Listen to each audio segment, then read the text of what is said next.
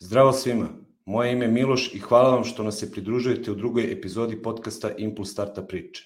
Cilj podcasta je predstavljanje startup kompanija, njihovih uspešnih priča i ova je jedna od njih. Iza mene je sjajna ekipa Impuls centra Ana, Vasilije i Ivana koji radi na tehničkoj realizaciji ovog podcasta. Krećemo.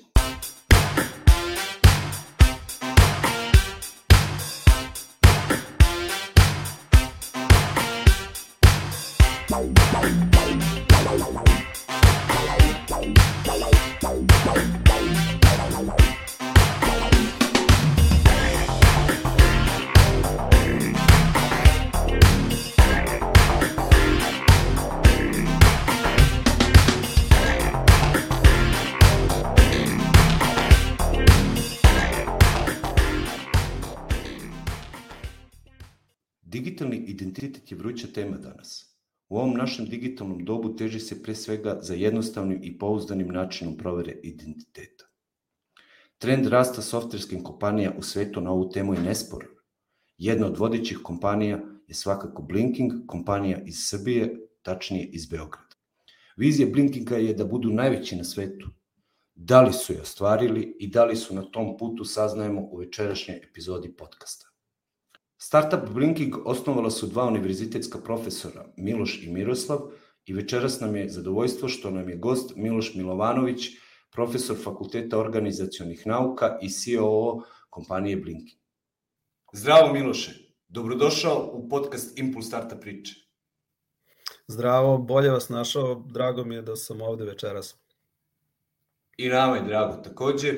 Reci nam na samom početku ko je Miloš kada nije profesor i CEO Blinkinga?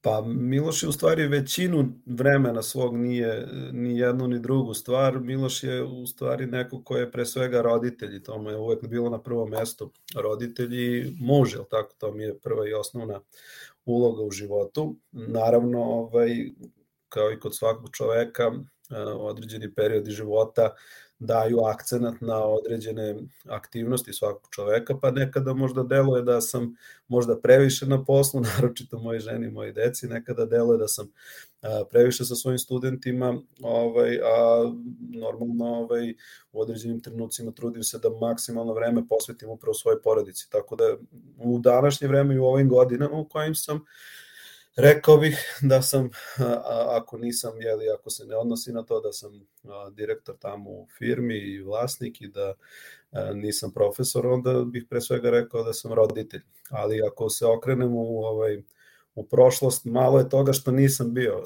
Stvarno sam jako puno toga radio u životu, ovaj, obzirom da sam po prirodi osoba koja nekako lako otvara interesovanja i e, imam neku tu prirodnu ovaj, osobinu da se jako zainteresujem za neke stvari i onda i guram nekada uopšte ne razmišljajući o posledicama, pa sam bio u tokom života i muzičar i radiovoditelj i ovaj, poštar čak u jednom periodu svog života i to me je interesovalo pisao sam dosta, tako da sam svašta radio, a uglavnom ono što me obeležava je da uglavnom ne sedim, to mi, ovaj, to mi najmanje prija. Ovaj, uglavnom mogu da izdržim ovako neki prijatan razgovor sa nekim koji može trajati sat, dva, ali bilo kako sedenje nakon toga počinje da mi izaziva nelagodnost. Tako da, eto, to, to bi otprilike neki bio opis mene kao čoveka. Odlično, vrlo zanimljivo. Uh, jedna od zanimljivih stvari mi je to što si bio muzičar, eto nisam znao za tu informaciju, ja sam inače po osnovnoj vokaciji profesor muzičke kulture, tako da o, eto, i kolege smo u tom, u, to, u tom smislu. Da, ne bih mogao sebe baš da ovaj, lako okarakterišem kao kolegom, nisam, nemam formalno obrazovanje muzičko, Ovaj, ja sam više bio entuzijasta u mlađim godinama, ovaj, prosto jedan, da kažem, značan period svog života sam se bavio muzikom u smislu sviranja po klubovima, po raznim koncertnim halama i tako dalje, najviše po ovoj našoj zemlji. Ovaj, I to je bio neki moj rock period, malo se izletimo u punk, verovatno taj buntovnički period mladalački ovaj kada su svi nekako ovde barem u ovom u ovoj našoj zemlji u ovom kraju nekako se okretali tim nekim ovaj mainstream uh, muzičkim formama. Ja sam se baš zaljubio zainteresovao za blues za rock za takve stvari i po pravilu sam gledao da idem kontra od onoga što je neko ovaj uvreženo ponašanje tako da ovaj, više sam iz nekih buntovničkih aspekata se bavio time, ali mi je to ostalo u, kao jako lep period u životu i dan danas u kancelariji mi stoje moje bas gitare i ovaj Fenderov Bassman 10 čuveni ovaj, koji proizvodi jako topao zvuk. A, naravno, ovaj, nije jedni razlog zašto mi u kancelariji, zašto ga volim, nego i moja žena me natrala da izbacim iz kuće, pošto sve manje mesta ima, ima za te stvari iz prošlosti, ali dobro, ovaj, a sve više mora da se mesta otvara za decu i za neke druge stvari. Tako da, eto. Cool. Uh, za sve koji ne znaju, ti si višestruki nagrađevani naučnik u oblasti IT-a. Uh, na koju si nagradu najponosniji? Pa, kad malo premotam jedno od ovaj, Jeste, jeste. Pa dobio sam nekoliko nagrada, većinu su bile vezane za oblast koju sam se bavio tokom svojih doktorskih studija dok sam sticao doktorat.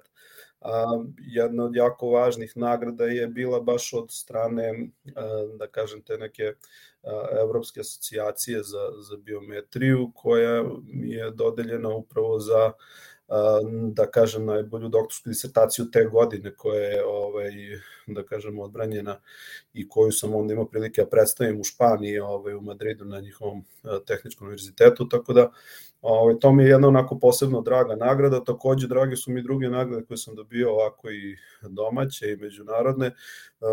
Volim jednu nagradu jednu plaketu ovaj, domaćeg društva informatičara Srbije koju sam takođe dobio za neke doprinose u nauci, a, baš zato što je to onako jedna starija organizacija koja već dugi niz godina baštini tu neku, da kažem, nagradu iz te oblasti. Tako da je ovaj to prilike neko priznanje od starijih kolega bilo u tom trenutku kad sam još ovaj da kažem bio mlad naučnik ne bi se sad ovaj previše ovaj svrstao u tu grupu ali to je bilo tada negde ovaj da kažem u kasnim 20. godinama i baš zato mi je puno značilo jer je to bilo priznanje ljudi koji su za mene ovaj ipak bili eh, ostvareni ljudi u nauci tako da je to bila neka potvrda mog rada. Mhm. Mm uh Znamo obojica da je vrlo aktualna tema bezbednosti poslovanja i veliki izazov je za sve kompanije. Odakle ideja da se baš vi bavite tom, tom oblašću, tim temama?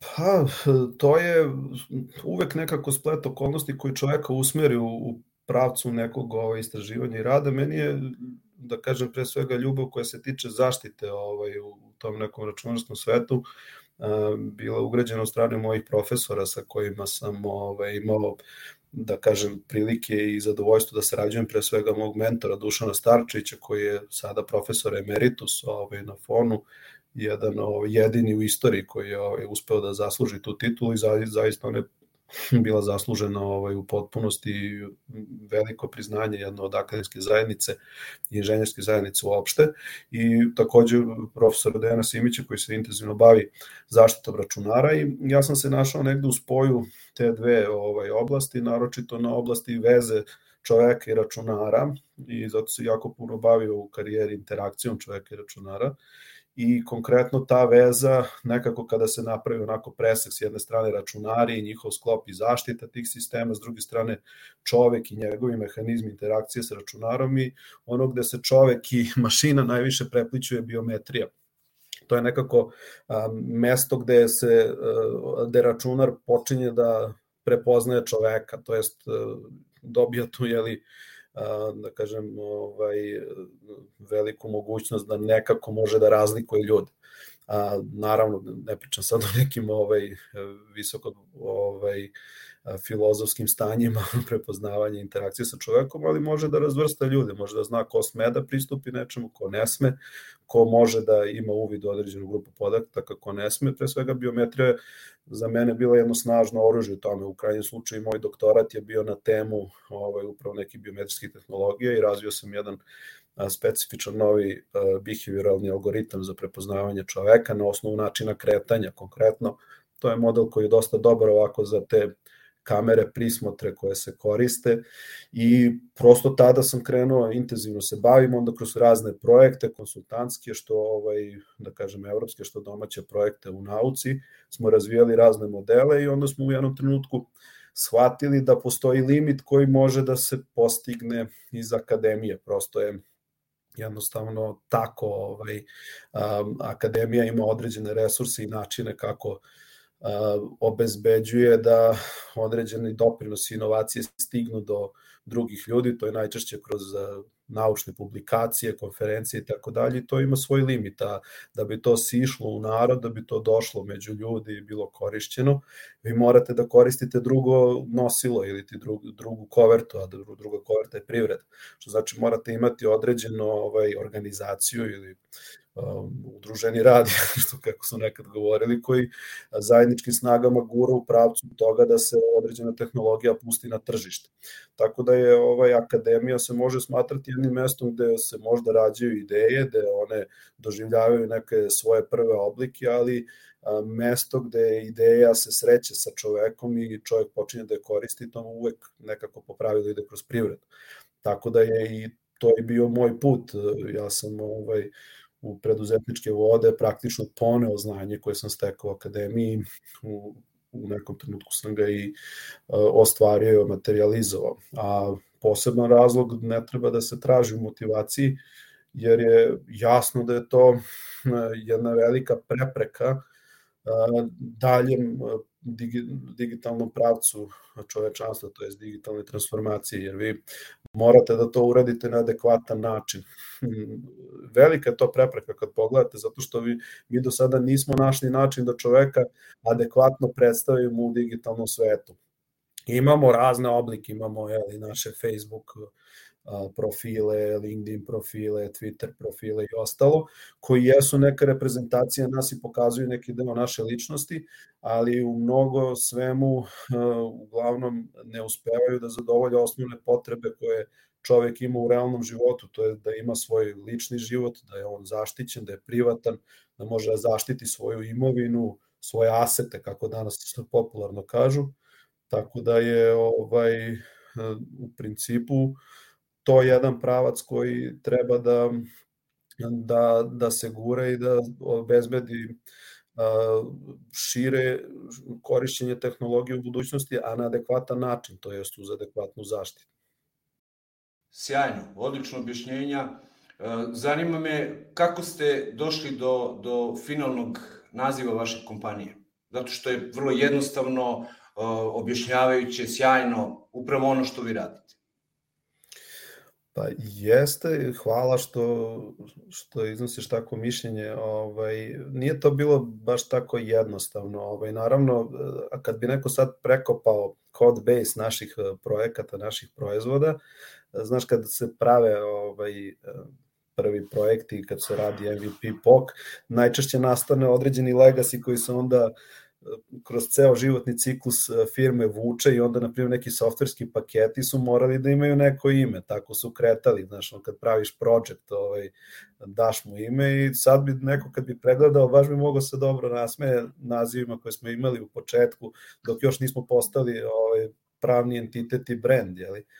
A, tako da je u suštini bilo tu se vrtelo svega, ovaj, to su bile razne kombinacije a, pokušali smo da uvalimo blockchain, neke isečke u neke zaštite, mehanizme, pa su tu javljale gluposti poput chain pass, ovo ono.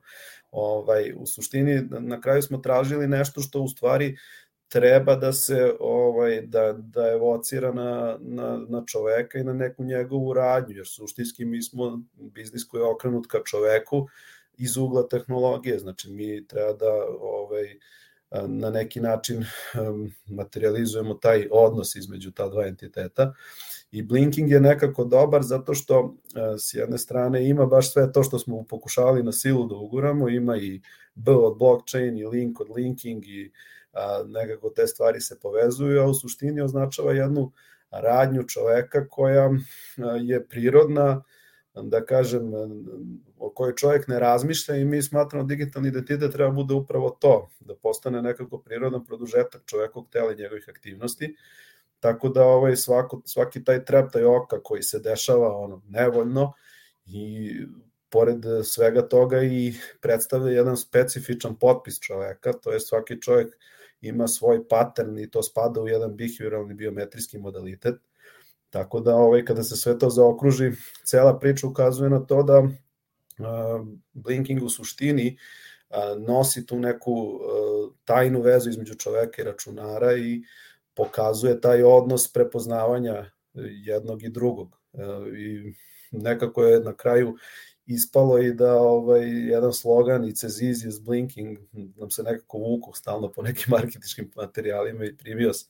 Tako da je ovaj, cela ta priča nekako dobio svoj oblik. Kada me sad eh, konkretno pitaš ka, da li smo hteli to da postignemo, da smo to gađali, nismo. Najčešće imena ovaj rastu i sazrevaju sa onim kojima su dodeljene. Tako da i ovaj ja danas na primjer mog sina ovaj znam po njegovom imenu, a kada se rodio nije mu baš stajalo, ali danas ja ne bih mogao ga zamislim drugačije i nekako je tako i sa imenim.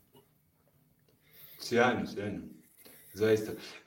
Za sve koji, koji, koji ne znaju, uh, vi ste startup kompanija koja je na sajtu Seed Table stavljena, uh, to jest je, na spisku je kompanija koji su vredne pažnje u 2021. godine iz Srbije. Uh, kada ste nastali i koliko već, jel te, trajete, odnosno koliko ste uh, imali članova na samom početku, a koliko ste porasli danas, eto? Pa mi smo osnovani formalno 2017. Da kažem, evo nama je rođendan za sedam dana. Firma je 27. oktobra osnovana, formalno, jeli, nekako, da kažem, kad se traži taj neki formalni trenutak, to ne deluje nešto previše svečano, ovaj, uglavnom podrazumeva odlazak u APR i dobijanje nekog pečata, ali suština je da je ideja krenula pre toga, ranije, i da je u da kažem u nekom našem ovaj životu uh, ideja za Blinking nastala i nekoliko meseci ranije i radilo se na tom projektu pre nego što je firma ovaj zvanično osnovana. A ono što moram da napomenem je da je u startu firma brojala sećam se kao juče devet ljudi. A, I to je čak možda i jako veliki broj za početak, Razlog je bio vrlo jednostavan zato što smo mi već imali jednu firmu koju dan danas živi, posluje, ima neke svoje proizvode i neke svoje usluge koje radi i mi smo praktično dobar deo tima sa kojim koji smo gradili godinama odvojili i oni su krenuli s nama u taj poslovni poduhvat. I to je nešto što je e, ja verujem e, jako važno e, da mladi ljudi koji rade u određenim sistemima da grade te odnose kako između sebe, tako i sa ljudima koji su im možda u tom trenutku nadređeni, a koji će možda sutra biti njihovi partneri u nekim novim poslovima. Tako da je to jedan ovaj početak bio, tada nas je bilo devetoro, sada nas je 34 i firma onako značajno raste. Mi u jednom trenutku smo zapošljavali po dvoje ljudi nedeljno. Sad trenutno smo u toj nekoj fazi da treba da eksplodiramo i sada nam je u stvari uh, jedan od velikih, e, jedan od velikih izazova praktično, kako rasti, a da ne izgubite ono zbog čega ste bili ovaj, jedno jako lepo mesto za rad uvek, jedno da kažem, mesto gde su ljudi dolazili ujutru sa osmehom i sa entuzijazmom na posao. Zato što u jednom trenutku vi morate prosto prirodno da se korporatizujete, jer postaje sistem neupravljiv. Ovaj, dešavaju se komunikacioni krahovi, dolaze novi ljudi koji nisu naviknuti na kulturu, stvari moraju da idu napred, sve više rukuje u, ovaj, u toj čorbi koja se pravi i potrebno je zaista postići visok nivo organizacije. I korporacija kao korporacija nije slučajno nastala jeli, ovaj, kao neka iskra u prostoru i vremenu, nego je nastala ta, kao rešenje na upravo te vrste problema. Tako da mi sada moramo da pređemo u to, tu fazu i to već mogu reći da smo dobrim delom i postigli, da postanemo korporacija, ali da ostanemo sa dušom i to je nešto što smatram ličnim izazovom kao a, direktora za operacije, smatram da je to upravo moj posao, da tu tranziciju sprovedem i da praktično se postaram da ona prođe bezbolno i da na kraju završimo tamo gde, gde svi vidimo da, da treba da bude. Uh, pročitali smo, odnosno gledali smo na, na jednom intervju si rekao da je, to sam i najavio u sam, na samom početku podcasta, da je vaša želja da budete najveći na svetu, dok ste stigli u ovom trenutku? Pa eto, za sada smo na, najveći u regionu i idemo polako ka, ka sve, svetskim, ovaj, e, svetskim veličinama. Ovo je inače oblast koja nije oblast u kojoj se uglavnom trkaju firme iz ovog dela sveta i to je, moram da kažem, s jedne strane prvo veliko dostignuće, ja sam jako ponosan na to, a s druge strane, boga mi je ozbiljan hendikep ako iz ovog dela sveta pokušavate da budete takmac na jednom takvom tržištu. Tehnologija koju mi pravimo je izuzetno skupa za proizvodnju, za kreiranje, ona zahteva dosta inovacija, zahteva dosta da kažem, tih nekih tehnoloških unapređenja da se sprovedu, a to u današnje vreme, naročito u ovo vreme potražnje za IT kadrom i za IT resursima je izuzetno skupa igranka. Tako da e, odavde prosto firme ne mogu da se izbore za svoje mesto na svetskom tržištu, treba jako puno finansiranja, treba jako puno novca da se upumpa u to, a nažalost novac ovde nije toliko dohvatljiv, tačnije investitori ovde nisu toliko prisutni u toj meri kao što su na primjer na zapadu, u Silikonskoj dolini i u nekim većim i razvijenim tržištima. Tako da je ta borba, pored toga što se borite na jednom tržištu koje je inovativno i kompetitivno i relativno teško, a, takođe je dodatno otežano činjenicom da pokušavate da budete srpska firma koja će biti među najvećima na svetu. I to je ovaj s jedne strane otežavajuća okolnost, s druge strane ako uspete u tome, taj uspeh je utoliko veći, jer znate da ste pošli iz pozicija koje su bile znatno niže i sa znatno većim hendikepom u odnosu na drugu konkurenciju.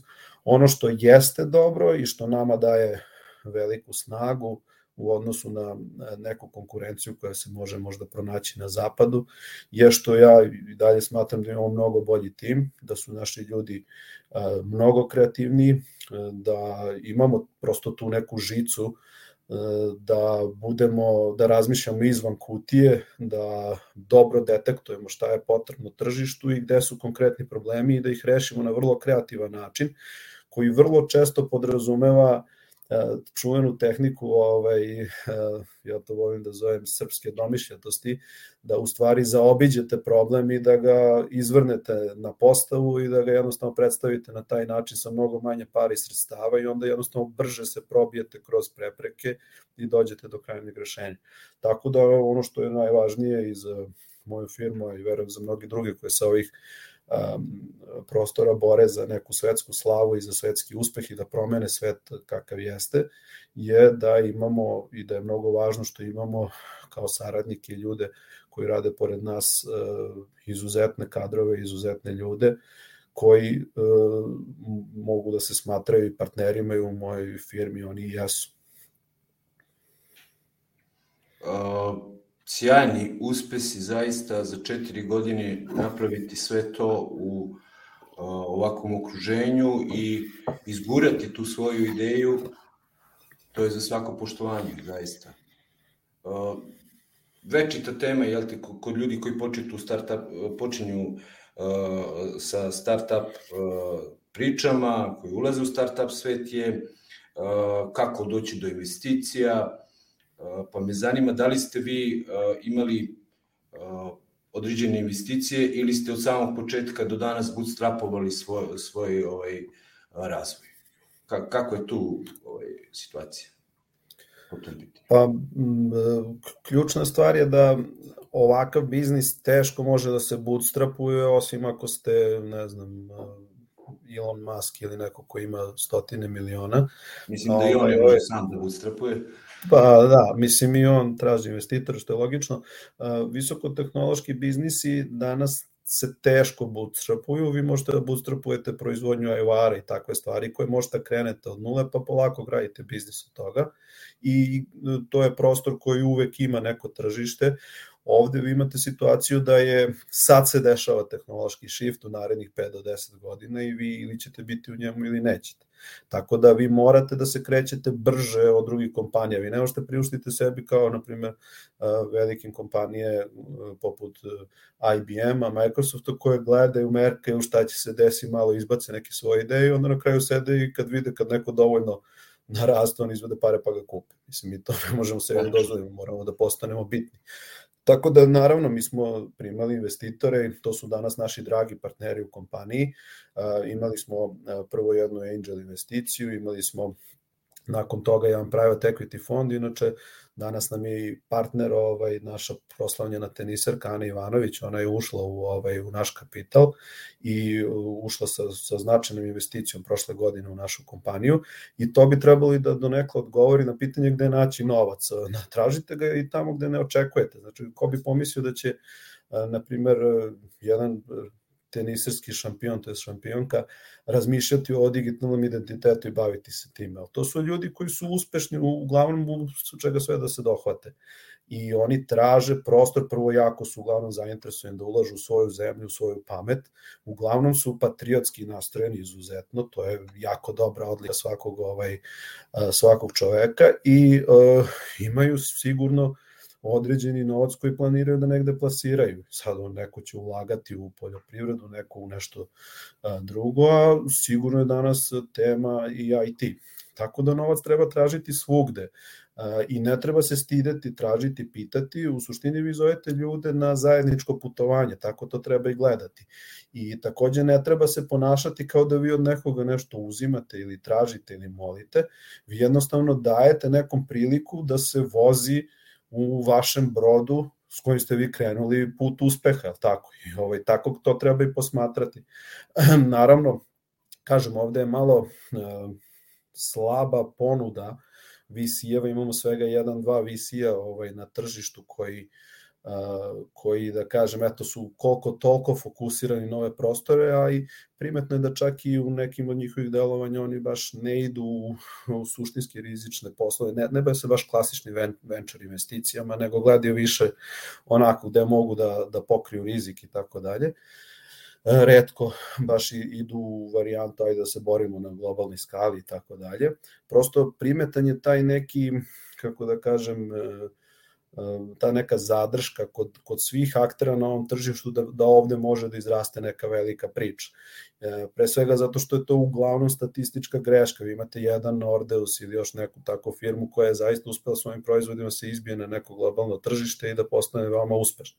Tako da ako gledate iz ugla biznisa, nema baš mnogo razumnih razloga zašto bi se investitor uputio u tom pravcu i realno pokušao na taj način da, da se razvije. Tako da do novca morate doći pre svega kod ljudi koji su, barem u tim ranim fazama, koji su zaljubljenici u, ovaj, u svoju zemlju, u svoje ljude, koji razumeju ovaj ono što vi pokušate da uradite i koji mogu da vam pomognu na tom putu.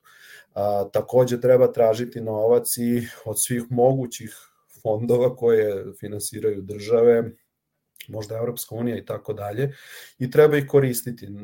Naravno, to je uvek što kaže ovaj pitanje da li ćete ga dobiti, da li će neko videti vaš potencijal. Nažalost, u takvim telima gde se dodeljuju te vrste investicije, uglavnom sede ljudi koji baš nisu iz sveta, niti da su nekad bili uspešni ovaj, da kažem, ovaj, osnivači startupa i da su nešto napravili, niti s druge strane da su nekad nešto uložili pa uspeli, nego eto, to prosto ima raznih ljudi, razni oblici uspeha, a ovaj startup model je vrlo specifičan. Vi sad dovedete nekog čoveka iz konvencijalnog biznisa i kažete mu ajde ti ćeš sada nas posavetuješ kako da gradimo startup. On će da failuje, on će napraviti grešku. Zašto? Zato što ovo nije klasičan biznis. Znači ovo je biznis koji se kreće kao brzi voz i pumpa i gura se u njega e, jako puno sredstava i radi se nenormalno i cilj je da jako brzo postignete veliki uspeh i da se raširite, što je potpuno iracionalno kad gledate iz ugla biznisa koji traži stabilnost, koji gleda tržište, analizira pa razmišlja i bitno je da povuče pravi potez. Tako da uh, u jednom trenutku kada startup sazri, njemu jako puno znači kada u njegov tim dođe čovek koji je bio na čelu nekog Apple-a ili e, neke tako velike kompanije koja zna kako da drži tržište, kako da ga brani, kako da osvaja nove segmente, e, dok bi u ranim fazama verovatno to bilo jako poražavajuće taj čovek, taj čovek ili takva osoba bi verovatno bila previše spora za taj sistem. Tako da je ovaj e, u traženju investicija jasno i ključno prvo imati dobar tim, dobre ljude, biti pametan kada se uzima novac, ne gledati novac kao na nešto što je da kažem, veliki ustupak samom osnivaču i velika, da se sad pruža neka velika zahvalnost u vidu silnih procenata koji bi se davali, nego da se gleda realno. Svako treba da zna da je jako važno da osnivač bude važan faktor u kompaniji dugi niz godina i ono što je isto jako važno, da taj isti ovaj osnivač treba da dovuče firmu dotle da se svačiji procenat višestruko uveća kasnije ili na exitu ili IPO ili u, kada počne da značajno vuče dobit kompanija, tako da je ovaj treba biti u početku pametan, praviti prava partnerstva i tražiti novac tamo gde možda nekad i ne očekujete da vas čeka. Uh -huh. uh, hteo sam da, da ti postavim još par nekih pitanja, ali ti si u ovom uh, opširnom i sjajnom odgovoru već uh, odgovorio na njih. Jel te, kad se već dotačenjemo startupa, kako je tvoje mišljenje o startup sceni Srbije danas?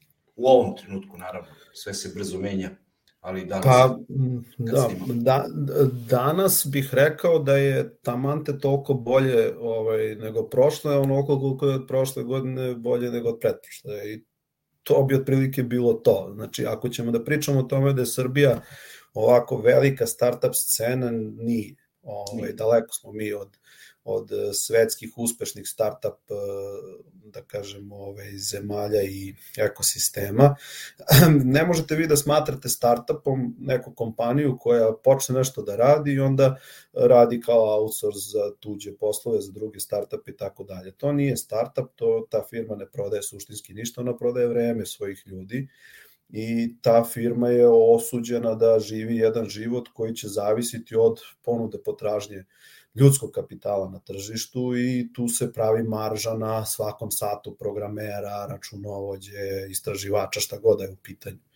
Um, druga stvar su startupi koji su zasnovani na nekoj, nekom intelektu, na nekoj konsultantskoj vrednosti i to može da se smatra startupom, ali te firme ne mogu se skalirati. Znači oni ne mogu prosto da, dogod nešto zavisi od vremenskog utroška jednog čoveka i njegove aktivnosti, njegovog razmišljanja o određenoj temi, to je onda osuđeno na njegov kapacitet. Vi čim imate kapacitet ovaj, koji je ograničen, vi ne možete da smatrate da to može se skalira i da postigne neki veliki uspeh. Tako da na startup sceni u Srbiji ima relativno malo startupa koji imaju svoje proizvode, ali koji takvi kakvi su su zaista dobri, e, imaju vrlo kvalitetne proizvode, dobar deo njih, vrlo često su jako inovativni, ono što im nedostaje jeste finansiranje i znanje kako da dohvate veća tržišta. I tu pre svega mora da se prave partnerstva sa pravim ljudima na pravim mestima, to jest sa većim integratorskim sistemima, distributerskim sistemima, većim kompanijama, ne bili dohvatili veća tržišta. Tako da to je ono što je trenutno situacija ovaj, u Srbiji. Rekao bih da ima nekoliko mesta gde imamo jako dobre uspehe, rekao bih da imamo jako dobre uspehe u nekim, da kažem, u proizvodnji nekih specifičnih sistema, na primjer u, u privredi, u agrotehnologiji, tu smo onako, imamo dobrih ovaj, interesantnih uh, uspeha imamo ovaj u gaming industriji, znači tu imamo već onako par ozbiljnih studija koji prave dobre igrice, u sports betting industriji isto ima dobrih platformi koje se tu a, malo šire po tržištu, idu napreduju.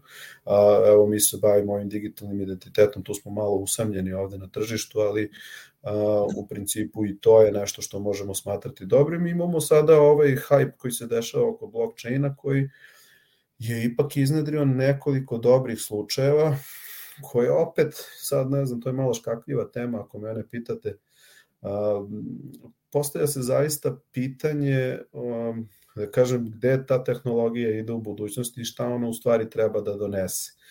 Imate jako ljude, znači ljude koji su izuzetni vernici i entuzijasti u tu tehnologiju i na tome su napravili uspešne biznise koji imaju sjajne evaluacije i koji zaista imaju jako veliki broj korisnika. Ali ako se malo razgrne ovaj, taj uspeh, vi pogledate da u stvari i njihovi korisnici su opet ljudi koji su entuzijasti, ljudi koji su vernici u suštini, nigde ne vidite taj impakt na realan komerc, realnu privredu i realan život. I e, mislim da će to morati u nekom vremenu da se promeni i da se suštinski vidi na koji način sva ta tehnologija pomaže čovečanstvu da reši neke od ključnih problema. Tek tada ćemo moći da pričamo o tome da je to nešto life changing. U međuvremenu to će, ta tehnologija će najviše doprinositi i pomagati promeni uh, ličnog života onih ljudi koji, koji se bave tom tehnologijom tako što će im stvarati ogromna sredstva i onda će oni moći da voze malo skuplja kola i da, da se malo vozaju na jahtama, ali u suštini uh, neće biti onog impakta na, na društvu u celini. Tako da vidjet ćemo u kom će to pravcu otići. Ono što je dobro u poslednjih par godina naša startup scena dobija polako pa stvari kao što kao i ovo što ti radiš i, i ekipa oko tebe dobija sve više lokalnih centara i sve više mesta gde mogu da se okupe ljudi koji žele da razmene svoje iskustva jer jedna od najvažnijih stvari u, razvoju jednog e, startapa ili jedne firme uopšte jeste da ne pravite greške tamo gde nije nužno da ih napravite, znači negde gde one mogu da budu fatalne po, po preduzeće, po organizaciju, a to možete da jedino saznate pričajući sa ljudima koji su prošli putem koji, koji vi sada prolazite. I tu ne sme da bude sujete, zavisti, ničeg drugog, to mora da bude jedna otvorena sredina za razmenu mišljenja i ovaj, gde će ljudi moći da se razumeju i da otvoreno razgovaraju o tim temama. Potpuno se slažem. Uh, volio bih da objasnimo ljudima koji nisu upućeni previše u vašu priču šta sve nudi Blinking. Pa, Mislim, Blinking... u smislu, mhm. čime, čim, čime se bavite, ali onako najjednostavnim rečima za ljudi koji nisu iz te oblasti. Mm -hmm. Kako bismo to pa, Vrlo je prosto, nama dosta često ovaj, investitori, neki drugi faktori na tržištu kažu objasnite u dve rečenice šta ste. A mi ovaj, četiri godine pravimo nešto i još uvek se tražimo, tako da je uvek teško ovaj, dati tu ovaj, taj presek, ali u suštini, ako bi se odmakao, vrlo lako bi to bilo objasniti. Znači, mi smo neko ko omogućava praktično regulisanim industrijama. To su industrije koje žele da posluju e, na daljinu sa svojim klijentima, ali to ne mogu da rade tek tako, tako što kao što Facebook otvori ovaj neki link pa sad kači šta hoćeš radi, šta hoćeš s podacima um, i koristi na koji god hoćeš način, nego to su one industrije koje imaju vrlo jasna pravila kroz koje prolazi novac, kroz koje prolaze vredna sredstva, to su telekomi, banke, osiguravajuće kuće i slično, pa čak i sportske kladionice, brokeri i ostale kuće. Uh, koje moraju nekako da začnu odnos sa svojim klijentima, a kasnije i da omoguće različite aktivnosti poslovne i sa tim klijentima i da omoguće tu neku bešavno skretanja kroz njihov sistem. E, I upravo naš, e, naša firma ima rešenja koje omogućuju to. Znači konkretno da neko može putem online kanala da primi novog klijenta, potpiše sa njim ugovor, proda mu neku uslugu i omogući mu da tu uslugu koristi kasnije kroz uh, njegovo svakodnevno delovanje. Tako da, na primjer, naša rešenja se koriste po bankama, telekomima e, i drugim takvim industrijama, da neko, na primjer, uzme online kredit ili otvori račun ili refinansira kredit ili uzme SIM karticu bez da odlazi u, u Telekom ovaj, filijalu i tako dalje. Znači, to su stvari koje sve mogu se urede kroz našu naše platforme, a za to se koriste napredne tehnike veštačke inteligencije, biometrije, obrade slika, analiza informacija. Vi morate neko prvo potvrdite, utvrdite čovekov identitet, onda da utvrdite razne informacije o tom čoveku i onda da na osnovu tih informacija sklopite neki ugovorni odnos gde je potrebno da obe strane taj ugovorni odnos potpišu, da daju svoju saglasnost. I to mora da se radi u skladu sa zakonom i pozitivnim regulativom.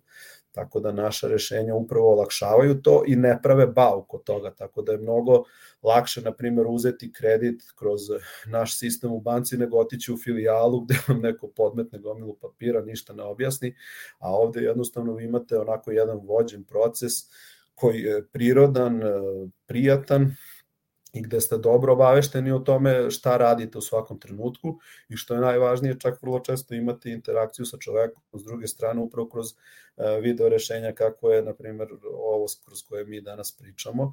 E, isto tako i operateri iz banaka, telekoma, osiguravajućih kuća pričaju sa svojim klijentima, e, nekad koriste to i za prodaju, za unapređenje uslugi i tako dalje. Tako da mi u stvari prespoje, prespojimo udaljenu filijalu sa čovekom koji se može nalaziti bilo gde ovaj, u zemlji, na bilo kojoj lokaciji, samo mu je potrebno da ima internet, da pristupi i da odradi uh, uzimanje bilo kakve usluge. Odlično objašnjenje. Kad, kada već pričamo o tome, zanima me a, koja kompanija vam je bila na samom početku a, prvi klijent ili, ili neka zanimljivost vezano, neka anegdota vezano za, za taj period. Da, da li možeš nešto da podeliš sa nama? Mm -hmm.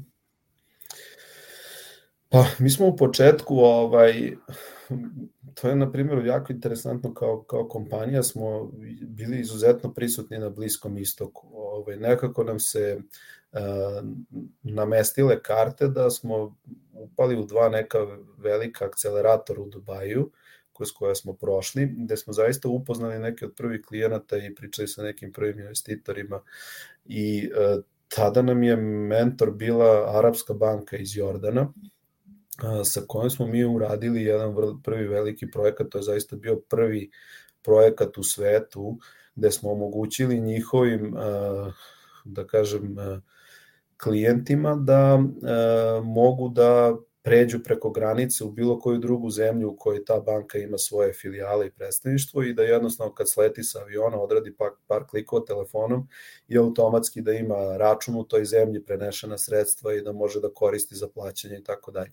I to smo uradili još 2018. godine, mislim da je možda bio početak 2019. kada je završen projekat i ovaj, zaista je bio sjajan projekat. E, nažalost, u nekom trenutku smo se povukli sa Bliskog istoka, pre svega zato što smo videli da je tamo malo drugačija poslovna kultura i da je potrebno na drugačiji način poslovati. Tamo jednostavno imate velike sisteme i startupi tamo ne mogu tako lako se probiju kroz tu poslovnu kulturu, da, da ne koristim neke druge izraze. Ovaj, model je prosto takav, e, dobro i korona je malo sprečila naše širenje na Bliskom istoku mi su priorijentisali na Evropu i na ova tržišta ovde, ali ono što mi je bilo jako interesantno u početku, mislim, to su bili zaista sjajni ljudi, ali je bila situacija, na primjer, da su oni tada prvi taj transfer trebali da rade između Jordana i Palestine da bi mi onda morali da sednemo pa da ovde pretresemo da imamo mi uopšte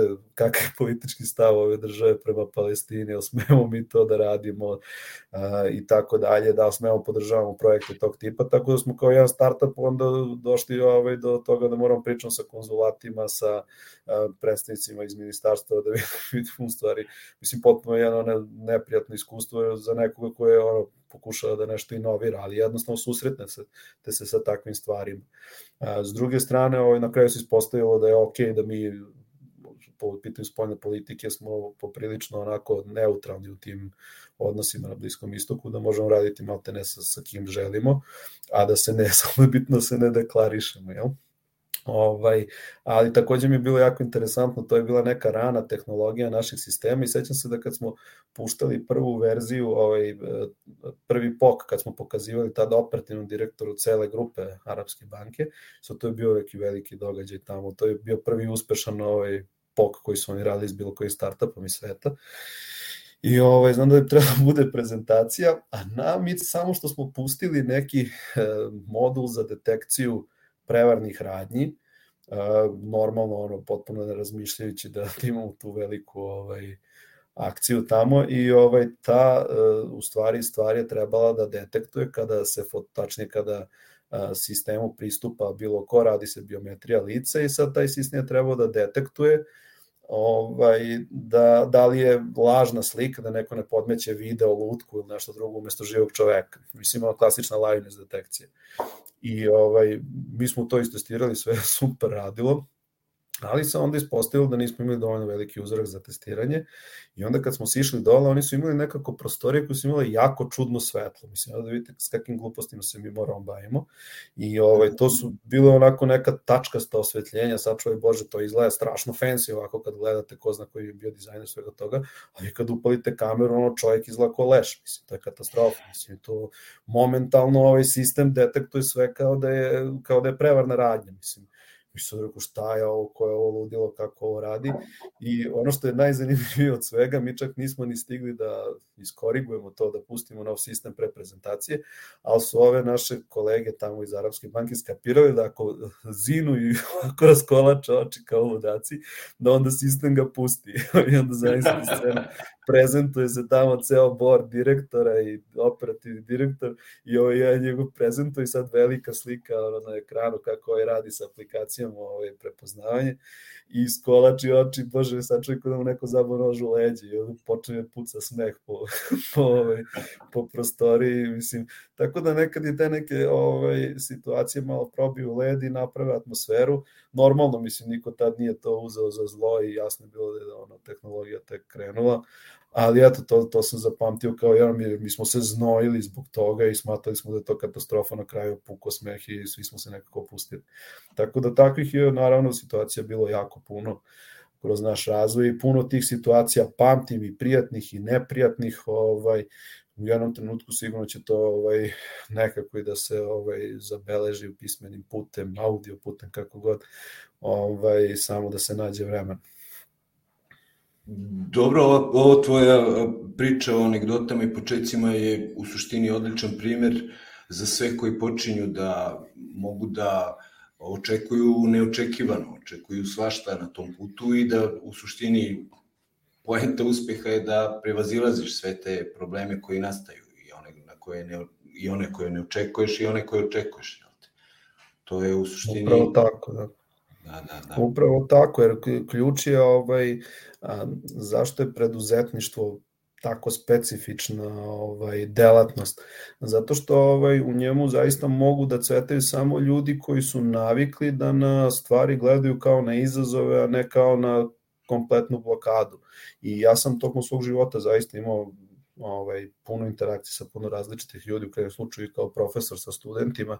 I tačno sam mogao da vidim da imate prosto ljude koji su u životu navikli na taj jedan obrazac ponašanja da kad najđu na problem jednostavno se povlače i čekaju da ga da vide ko će preuzeti inicijativu da ga reši dok uvek onaj koji ovaj pokuša da ga reši uvek je taj onaj koji ima tog nekog preduzetničkog potencijala i e, nisu uvek svi pristupi rešenju isti. Na primjer, ja, na primjer, najđem na zatvorena zaključana vrata, ja sam od onih koji će glavom da probiju vrata i to je ovaj dosta efikasan i efektivan način, ali strašno poguban po čoveka.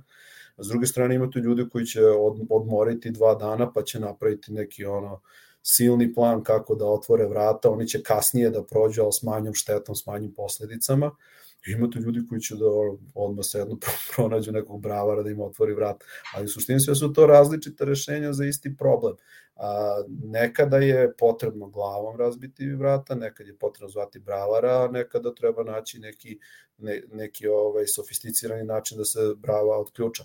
Tako da je ovaj sve su to različiti profili preduzetnika i ono što je jako važno, najčešće ako imate samo jedan profil preduzetnika u biznisu, on je e, on svojim pristupom najčešće u nekom trenutku dovede u ćor sokak. Tako da je jako važno da imate partnera koji je u stvari malo drugačiji preduzetnički duh i koji će u jednom trenutku kaže, e čoveče, prekini da biješ glavom u ta vrata, E, mislim, ono, vrata su očigledno poprilično ono, nezgodnog materijala za tvoju konstrukciju, daj da imamo neko bolje rešenje, pa onda zajedno sa njim možete da razmotrite druge opcije. Tako da je jako važno da, i to je neki sajt koji bi svakom dao ko počinje da se bavi bilo kakvim preduzetništvom, da to nije posao za usemljenike i za a, jeli, lone wolfove i ovaj, da kažem samce, to je posao koji zahteva ljude koji zahteva saradnju, interakciju s ljudima i zato je jako važno da razvijate svoje jeli, ljudske veštine pre svega, naročito govora, jer taj govor se koristi u motivaciji, vi morate prenesete tu viziju entuzijazam na druge ljude, to nije uvek lako i na tom putu biće i ovaj da kažem i otpadanja od te ideologije i odustajanja i ljudi koji će vući na kontrastranu mimo u mimohod i kontra od vaše vizije i pokušavati to da uruši vi morate da imate tehnike i metode kako ćete u teškim situacijama da održite ekipu na okupu i da gurate napred. Jer u suštini lako je biti preduzetnik kad imate investiciju od 30 miliona i sad gledate koju ćete jahtu da kupite za team building. Mislim, to svako možda radi. Treba biti preduzetnik kad nestaje para, kad polako se ovaj vidi kraj piste, kada klijent se ne javlja po 5 dana, 10 dana, 20 dana, mesec dana, kad drugi klijent neće da uplati dva meseca nakon što je dobio fakturu i tako dalje. Znači, to su stvari gde se pokazuju u stvari ozbiljni ovaj, e, vizionari preduzetnici i koji mogu tada da izvuku poslednje tome snage iz tima, iz ljudi, svojih partnera da se napravi final push i da se nešto uradi. Tako da je ovaj to u stvari osnova bilo kakvog poslovnog uspeha. Uh -huh. Kada pričamo o vašoj kompaniji, hajde samo ukratko da se vratimo, da li je vaš splet reš... da li se vaš splet rešenja razlikuje od drugih kompanija? Po čemu ste jedinstveni? Po čemu se izdvajate u odnosu na, na ostale kompanije ko, koje se bave stvarima kao i vi?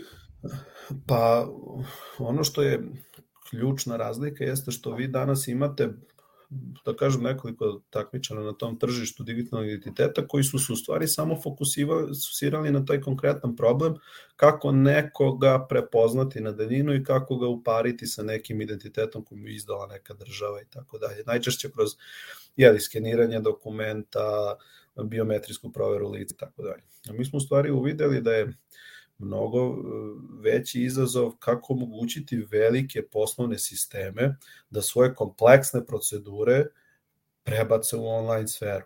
Uzet ću za primjer banku. Znači banka kad hoće da na primjer napravi e, da može klijent da uzme kredit online. Naravno da je jedan deo tog procesa da se vidi ko je čovjek, to je da se prikupe njegovi podaci, se proveri ili ima validnu ličnu kartu, da li to taj čovek u procesu, to je naravno jedan deo procesa, ali ne možete vi na osnovu toga da izdate kredit, vi morate znati kakav je njegov kreditni rating, pa da vidite on politički eksponirana osoba, pa prođe neke AML upitnike, fatke, čuda, pa da morate ga informišete o vašoj ponudi, pa na koji način ćete obrađivati podatke, pa šta ćete mu ponuditi od usluga, pa da prođe neke ovaj, čitanja nekih ponuda, ugovorne dokumentacije, pa da mu se to sve pripremi, pa onda možda i neka video interakcija sa nekim operaterom i na kraju sve to nekako treba da potpiše pa da aktivira te usluge. I vi sad ako dođete u neku banku i kažete evo mi imamo ovo, to vam je rešeno, imamo samo identitet, on će kaže pa čekaj, ja moram da pozovem još 100 ljudi ovde na projekat, da mi neko radi poslovne procese, neko da mi ovo kodira, pa neki integrator sve da povezuje, kraju njega boli glava, on dve godine pravi pro, proizvod i na kraju ga izbeci tržište kaže, e sad smo ga pravili i više nećemo, to je to, od nas dosta, nek uzimaju te kredite, što kaže crkvi majci, da Bog da, mislim, ko, ko će više to da radi, to je jedan onako pakli proizvod, onda vi gubite taj, um, tu viziju digitala, jer suštinski nemate repurposing sisteme, nemate mogućnost da lako iznedrite nove proizvode. Evo upravo u tome Blinking specifičan, jer uh, Blinking tehnologija podrazumijati, vi imate gradivne blokove koje samo složite u kompleksne procese i samo pustite i onog trenutka kad se pusti vi ste live, vaš klijent dolazi, uzima njega sistem sam vodi kroz ceo proces i se njim zaključi ugovor. I ključna razlika je u tome što vi nije pojenta da vi nekoga sad šutnete iz čekaonice ovaj, u filijali banke, pa da ga prebacite u virtualnu čekonicu filijale banke da jedan mučenik sedi i čeka u video sobi i stoji 20 ljudi u redu. Poenta je da taj proces bude što jednostavniji, što kraći, a da mašina uradi sve, znači da prikupi sve podatke, da obradi, da zaključi u krajnjem slučaju da je to taj čovek i sve, pa da operator samo jednostavno kaže ovaj, amin, jeli, to je to, izvolite, budite naš dragi klijent i niko nije ono, izmaltretiran u ovom procesu, svi smo zadovoljni, vi niste morali se vučete po bankama, čekate u redu, zakačite koronu, šta već. Mi nismo morali da ovaj vukljamo papire, da ovaj čuvamo to, da heftamo, da pečatiramo, se maltretiramo i na kraju svi zadovoljni i svi ovaj imaju jedan dodatni ovaj dodatnu značku na svom portfoliju, nešto su uradili korisno, smanjili su neke troškove i sad mogu da posvete možda to u neki taj novac koji su ovde uštedili u neke druge inovacije, da li će dodavati neke kioske, druge uslužne programe i u krajnjem slučaju prave partnerstva sa drugim poslovnim entitetima da otvaraju nove usluge koje možda do sad nismo smislili, jel? bankari u suštini redko, na primjer, inoviraju e, stvari. Zašto? Zato što su 90% vremena u papirima i u anti-money laundering šemama i e, risk ih vuče za rukav i nerviraju se i regulator ih stalno nešto poziva se oslobodite vreme tim ljudima da oni mogu prave inovacije i onda ćete videti kako lako mogu da se dobijaju i digitalne banke i nove stvari i specifični tipovi e, kredita namenskih ovakvih onakvih da u suštini širite portfolio usluga i olakšavate ljudima da mogu da rade. Uh, šta misliš, da li veštačka inteligencija i mašinsko učenje pomaže u svemu ovome što si govorio do sada? Pa naravno da pomaže, mislim, e, kad se priča o veštačkoj inteligenciji, tu je onako dosta je to polje e, nerazjašnjeno, ljudi to brkaju pa misle to će sad će nas roboti da ovaj, vežu sve u kupatilu da nas ostave.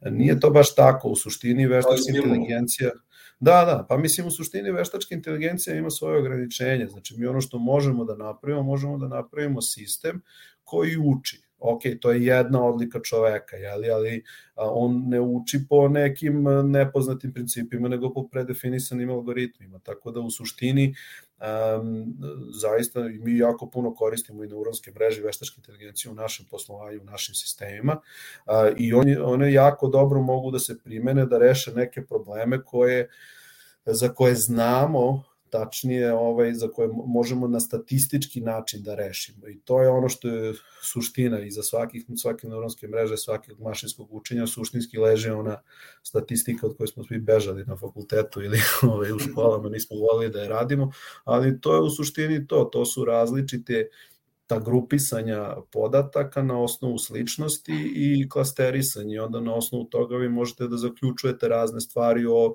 predmetu posmatranja. Tako da zaista može da se primeni i u analizi teksta, u predikcijama, pa čak može da radi i credit scoring u bankarskim sistemima i ima firmi koje to relativno uspešno rade. Naravno, tu sad i dalje postoje određene ograničenja i ovaj svakim danom se te granice pomalo pomeraju. A, tako da primjena veštačke inteligencije je zaista ovaj široka i mogućnosti su velike naročito u situacijama kada, na primer, mi kao ljudi ne možemo da dođemo do algoritma koji bi pokrio celokupni, da kažem, slučaj. To vam je, na primjer, situacija, vi sad treba da analizirate specifičnosti nekih ličnih dokumenta. Mi to konkretno radimo u našim, našim sistemima vi sad kažete ajde da vidimo koje su zakonitosti kada dobijete sliku šta treba da bude na slici, gde i kako. I ok, sad lična karta, neko bi rekao je ograničen prostor, jeli tu bi trebalo da sve bude manje više jasno, a opet s druge strane vi možete da slikate na 101 način i dobijete 101 različitu sliku istog prostora. I negde svetlo padne ovako, negde senka, negde ovo, negde ono. I ako se vi oslonite na neki standardizovan algoritam, vi nikad nećete moći da predvidite sve moguće pojavne oblike onoga što obrađujete. I onda je vrlo jasno da u stvari treba pristupiti na drugi način, da vi napravite okvirni model i onda pustite sistem da on na osnovu nekih faktora koje on detektuje da zaključi određene stvari i on će da bude manje više uspešan. Kad biste vi napisali savršen algoritam, on bi verovatno imao uspešnost 100%. Vi tu uspešnost ne možete postići veštačkom inteligencijom ili neuronskim mrežama, možete postignete možda 92, 93, ali to je sasvim ok ako stavite druge backup failover mehanizme kojima ćete pokriti ovih 7-8% i vi u suštini u globalu ste napravili model koji nekome štedi vreme, pare i pažnju. Jel? Tako da ovaj na taj način vi imate business case koji je naplativ. Tako da daleko od toga da mogu da kažem da da je, ne znam, veštačka inteligencija sad nešto što nema nikakvog smisla i te kako se primenjuje, i te kako se koristi, i te kako ima svoje mesto, ali isto tako moramo da razumemo da veštačka inteligencija ona o kojoj se priča, je li da ona sigurno nije iza, iza prvog Google, da su to možda čak i desetine, možda i stotinu godina, jer jednostavno mi dalje ne znamo kako čovekov mozak ovaj funkcioniše, kako, kako radi u nekim aspektima, svaki dan se iznenađujemo i ljudskom anatomijom i svim tim. Ja čak ovako kao jeli verujući čovjek i i ovaj duboko i verujem da su ipak neke stvari određene od ozgo, tako da neke stvari jednostavno ne verujem da ćemo moći niti imati mogućnosti da replikujemo. Tako da u nekom mom viđenju ovaj kao i svaka tehnologija treba je koristiti, treba koristiti za dobro i treba koristiti da rešimo ljudske probleme. Ali ne treba ovaj previše očekivati od nje, niti treba um, da kažem napraviti takvu tehnologiju koja će u potpunosti ležati na tome da ne postoje upravo ovih failover mehanizmi za tih 2, 8, 5, koliko procenata smo nesigurni s takvom tehnologijom. Mm -hmm.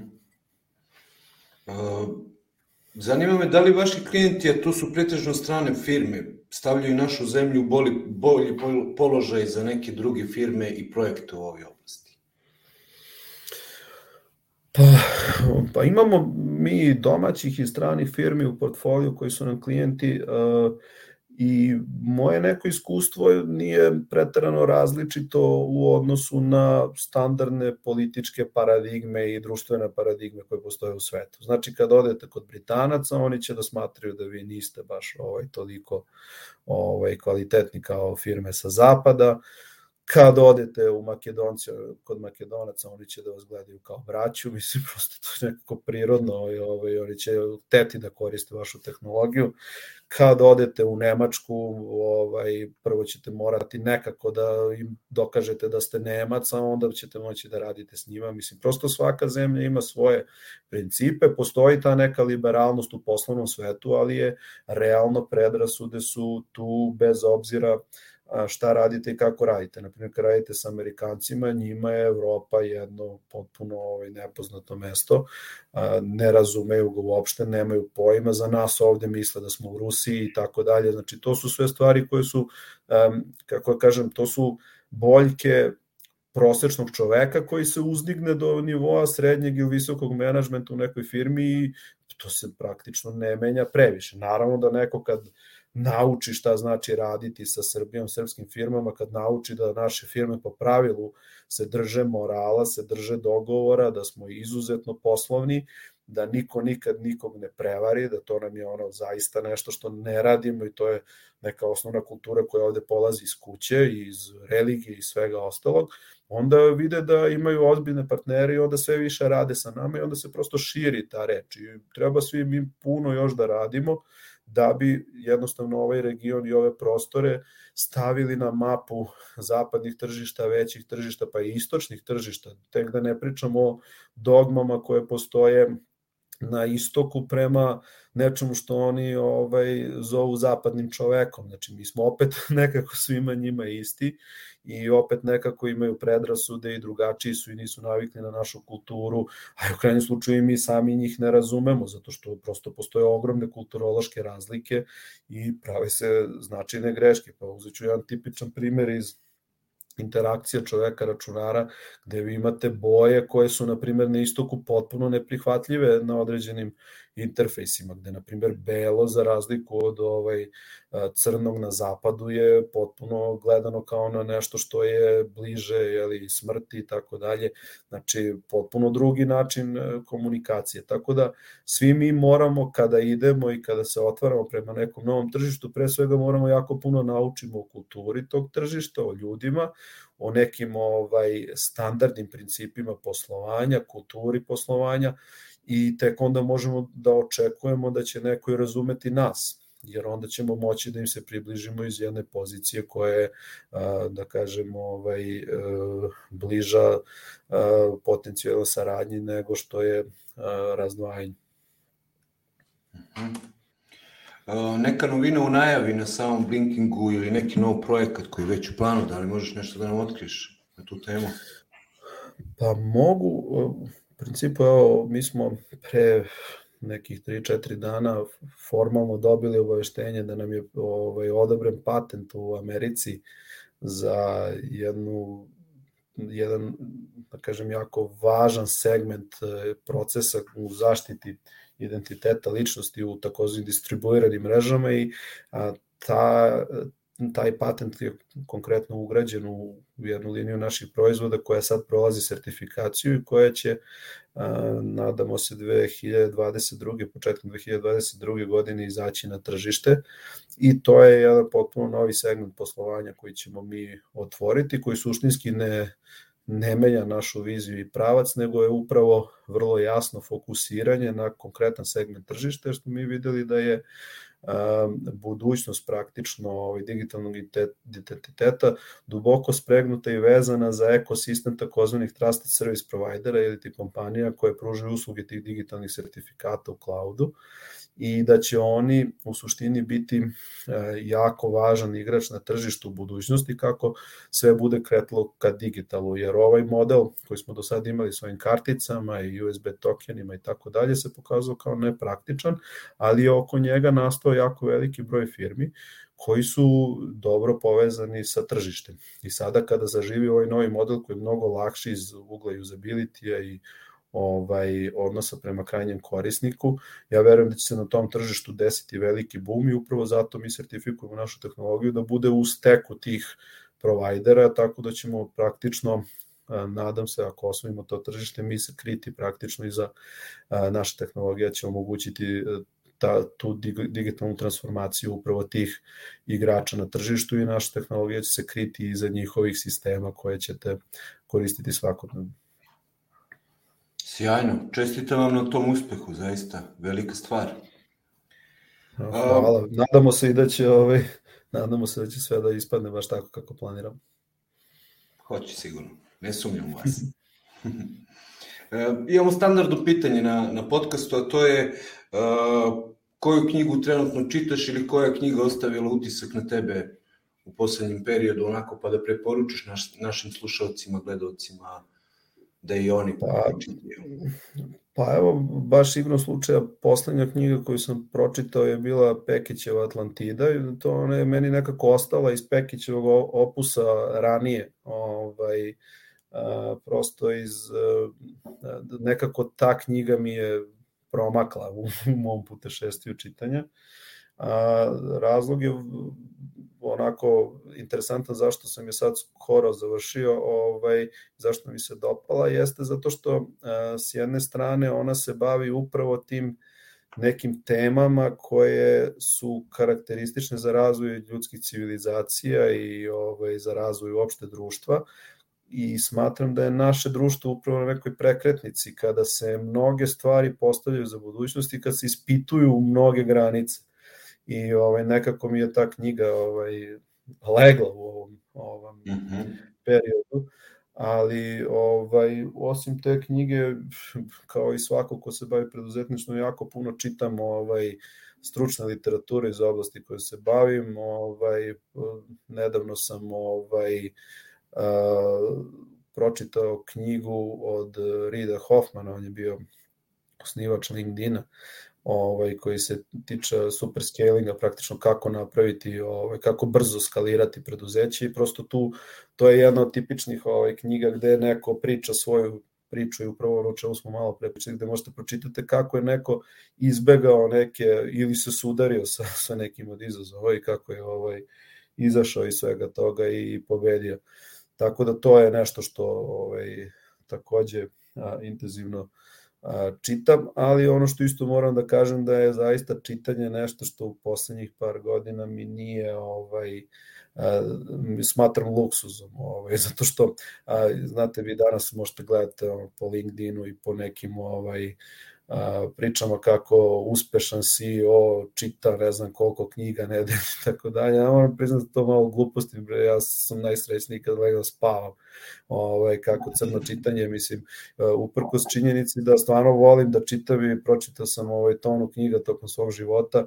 U poslednje vreme meni je fokus na, da, da ako imam malo slobodnog vremena, da sam sa decom mojom, da čitam njima, ovaj, tako da eto, čitam deci ovog kišnog listca, to se često, često čita od ovog Andrija Miloševića i te neke knjige, to mi je sad stručna literatura par excellence i tako ove bajke i ostale stvari, tako da ovaj, to je meni od čitanja, plus ovo što ponekad ugrabi malo vremena za sebe i, ovaj, i to je to, a da ne pričam ovo, volim i ja da pogledam i neki dobar film i neku seriju, za to nažalost redko ima e, vremena, ali gledam da pratim da ne ispadnem u društvo, jer znate kad dođete po ovi mladi ljudi koji rade s vama, pa krenu pričaju o ova serija, ona serija, pa ne možete vi da sedite da ćutite, morate ubaciti neki komentar. Tako da gledam bar da pretrčim nešto da vidim pa da mogu se uključiti u razgovor. to, to. A, možda poruka, savet mladom startup timu ili čak nama Pa što se vas tiče... Izvini, jasno... mi smo jedna vrsta startupa, jel ti? Jeste, da. Pa mislim, e, čekat će vas isti izazovi kao i sve ostale. Prvo morat ćete nađete svoju publiku, ovaj, to je svoje mušterije. To je ono što je najvažnije. Ovaj, a, za početak treba biti uh, jako važan u u svom kraju. Jel? Ja to uvek verujem da je ovaj, da onaj čovjek koji je uspešan u svom selu, on može bude i predsednik Amerike ako treba. I jako je bitno da, da tu svoju ideju plasirate pre svega među svojima i lokalno. A ono što je isto jako bitno jeste da, a, da pokušate da se izdvojite od onoga što je standardan, je li neki a, a, kako bi to nazvao, ovaj, danas imate dosta tih inovacionih centara po, po svetu i svi dobijaju isti oblik, svi imaju model isti, znači naprave neku priču, okupe kao neke ljudi i onda vuku pare od raznih ovaj, fondova, znači ponašaju se kao klasični NGO-ovi. Mislim da postoji negde prostor za ipak malo inovacije u tom prostoru, ne mogu da kažem koje, koje su to inovacije koje mogu se postignu, a ono što sigurno znam jeste da ovaj pre svega treba slušati ljude koji koji se bave preduzetništvom u smislu toga šta je to što bi oni očekivali od takvih centara. Ja lično pre svega ne mislim da u takvom nekom centru može da nastane neka sad svetska priča, svetsko čudo. Mislim da su ta, ti centri pre svega mesta za razmenu ideja i pre svega imaju, treba da imaju dobru zajednicu. A ovaj da bi nastao jedan ozbiljan startup, pre svega treba, mora da bude nezavisan. Znači mora u jednom trenutku da se odmetne i da gura priču samostalno. A što se tiče nekog saveta startupima, pa prvi moj neki savet bi bio da u suštini ne gledaju druge uzore i da ne, ne pođu u zabludu da je ovaj posao lak. Danas imate jako puno podstica, koji guraju mlade ljude da budu preduzetnici. Ja sam prema tome malo konzervativniji. Mlad čovek je praktično može da povuče jednakost prema neuspešnom preduzetniku. Ovaj, a, mlad čovjek is, nema dovoljno životnog iskustva da može da, ovaj, da podigne uspešan startup. Jednostavno je tako. Naravno, postoje izuzeci. Uvek i, e, nažalost, izuzeci onda um, služe kao primer za, za, ovaj, za uspeh, ali u stvari oni su outlier, oni su statistička greška. Uspešan preduzetnik je stariji od mene pet godina, ovaj osnivač. A, tako da je ovaj to je neki prosek e, što znači treba da vas prvo živo dobro omlati da vidite kako je drugi omlatio da možda budete deo neke uspešne priče pa onda da sutra pokrenete nešto svoje. I ono što isto jako bitno da napomenem prvo nikad nije kasno a isto tako moram i da napomenem da i ovaj ne mora nikad ni da bude rano. Ok je da probate i ok je da ovaj ne uspete to je isto u redu, ovaj, ali ono što treba da znate da ne možete 10 puta da ne uspete. Mislim, to onda znači nešto, nešto ne radite kako treba. A, vi imate primere ljudi koji su serijski uspešni ovaj, u svojim poduhvatima, a razlog je vrlo jasan, zato što taj čovek je naučio kako da određene stvari radi na ispravan način. I taj čovek je verovatno uradio školski proveru svega i pre nego što je ušao u posao da izabere šta će raditi, na koji način će raditi, a i kasnije znao kako da sprovede to u delo. Tako da je iskustvo jako važno i ja bih pre svega mladim ljudima preporučio da ako je moguće nađu mentore, nađu ljude koji će da ovaj da prate na, na, na svom ovaj putu uspeha i od kojih će da uče i onda kasnije da oni postanu upravo ti ljudi. Tako da sve u svoje vreme, sve je ovaj sve je dostižno.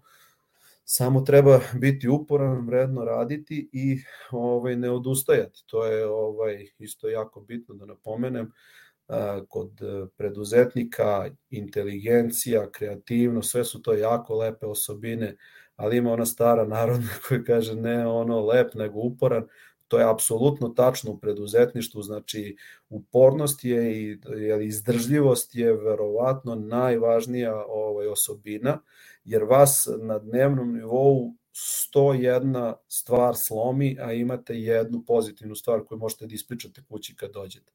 I ovaj i treba nekako taj teret nositi sa sobom prvo da otupite, da se naviknete na to, a onda i da kroz sve to gurate i da da pomerate sistem napred polje po polje, ali malo na crno, na belo i na kraju dođete do kraja tabla. Eto. Uh -huh. Za kraj, poslednje pitanje, može li kratak update sa četvrtog Western Balkan Digital Summita u Podgorici? E, da, pa u principu to je ovako bio događaj koji je, ja sam učestvovao baš u jednom interesantnom ovaj, pod događaj u okviru tog događaja, u pitanju je bio taj neki VB6 Western Balkan 6 Countries ovaj forum gde smo sa puno preduzetnika imali priliku da interagujemo, da razgovaramo, da razmišljamo u kom pravcu ćemo ići i ovaj i da razmenimo iskustva. Tako da mi se to dosta dopalo. Inače nemam neka velika očekivanja kad su takvi pre svega politički događaji u pitanju jer to su suštinski događaji međunarodne saradnje regionalne i oni ovaj uglavnom su fokusirani na velika infrastrukturna pitanja koja redko kačinju malog čoveka dole i malog preduzetnika, to su stvari poput ovaj ne znam, povezivanja puteva, infrastrukturnih pravaca i tako dalje. Ali ovde ovaj polako dolazi do toga da je privreda sve više povezana sa onim što radi država. I evo sada je jasno da već te zemlje vrlo uh, jasno rade na praktično otvorenosti tih tržišta, na razmeni informacija, na priznavanju, na primjer, kvalifikovanih sertifikata, to je novina koja će ovaj stupiti ovaj na osnovu toga na scenu, onda putne mreže će biti povezane, čovjek će moći da kupi a, onoj tag i da se vozi po, po regionu na osnovu jednog plaća neće morati na svakoj zemlji da staje, da uzima vinjete i tako da. Znači, prosto mi se nek polako se vraćamo u ono doba stare Jugoslavije kada smo bili jedno tržište. I ako bismo se na tome zadržali, ne, ne, ne bili ovaj, ne išli ka ideju da se nešto sad stvarno ponovo pravi neka ludačka priča, mislim da bi ovaj zaista mogli jako puno da doprinesu jedni drugima da razvijemo svoje ekonomije, pre svega na našem tržištu da da imamo jednu dobru priču i onda da zajedno jačamo i da se otvaramo ka zapadnim i istočnim tržištima. A, tako da je ovaj na tom samitu zaista dosta pozitivnih regulativa doneto. Neke države su se zavetovale, ovaj konkretno i u Crnoj Gori su se jeli zavetovali da će doneti neke pozitivne regulative koje su primjenjene u Srbiji. S druge strane, Srbija je krenula u taj projekat fiskalizacije koji je Crna Gora već prošla, tako da je svugde tu po tim jeli, bočnim ovaj, događajima su se razmenjivala pozitivna iskustva, privrednici učili jedni od drugih i nameštaju se za promene koje će dolaziti. Tako da ja mislim i smatram da bi dalje trebalo da se guraju ti događaji međunarodne saradnje, barem regionalne i da ovaj, na osnovu toga prosto biramo i ovaj, gradimo naš e, ekosistem privredni.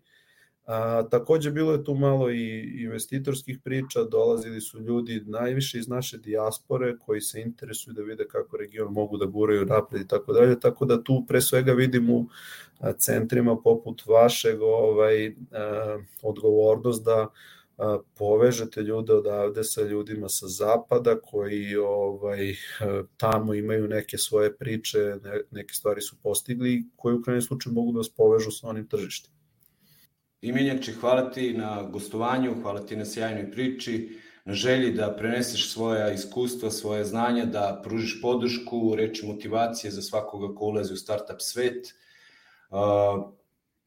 Hvala svima koji su došli do ovog dela, pratite Blinking, pratite Impulse Centar, imat ćete u opisu uh, ovog videa, bez obzira na kojim platformama slušate ili gledate, sve linkove, like, share, subscribe, to bi bilo to, sve već znate, hvala vam i vidimo se za sedam dana gde nas opet očekuje sjajan, sjajan startup iz Srbije. Miloše, još jednom hvala ti i pozdrav svima.